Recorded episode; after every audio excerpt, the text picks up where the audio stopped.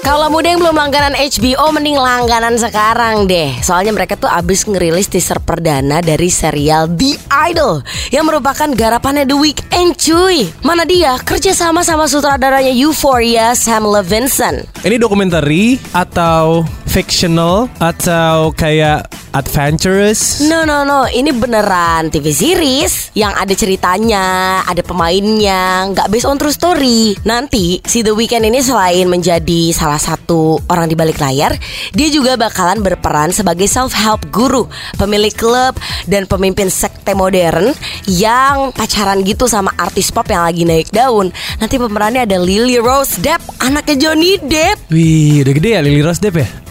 Udah dong. Umurnya berapa Bel? 23 tahun, Pak. Seumuran gue.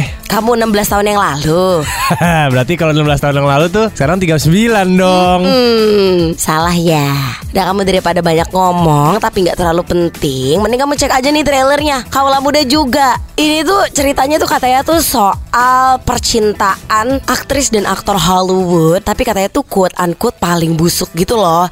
Cuma make sure kamu udah 21 plus ya, karena beberapa trigger warning ada nih di sini, seperti abuse, self harm, terus ada beberapa adegan-adegan yang dewasa kaulah muda. Sampai saat ini sih emang belum ada ya tanggal tayangnya. Cuma dari HBO Max janji bakalan sebelum akhir tahun ini. Nanti katanya bakalan ada 6 episode terus pemain lainnya tuh bakal ada Troye Sivan, Debbie Ryan, Jennie Kim dari Blackpink dan Tyson Ritter. Aku salah satu fans The Weeknd dan suka banget lagunya apalagi yang Save Your Tears. Gak sabar nungguin seriesnya. Lantas apa jadinya di saat The Weeknd bikin series? Mari kita lihat di HBO Plus. Aku akan langganan. Bel bagi duit.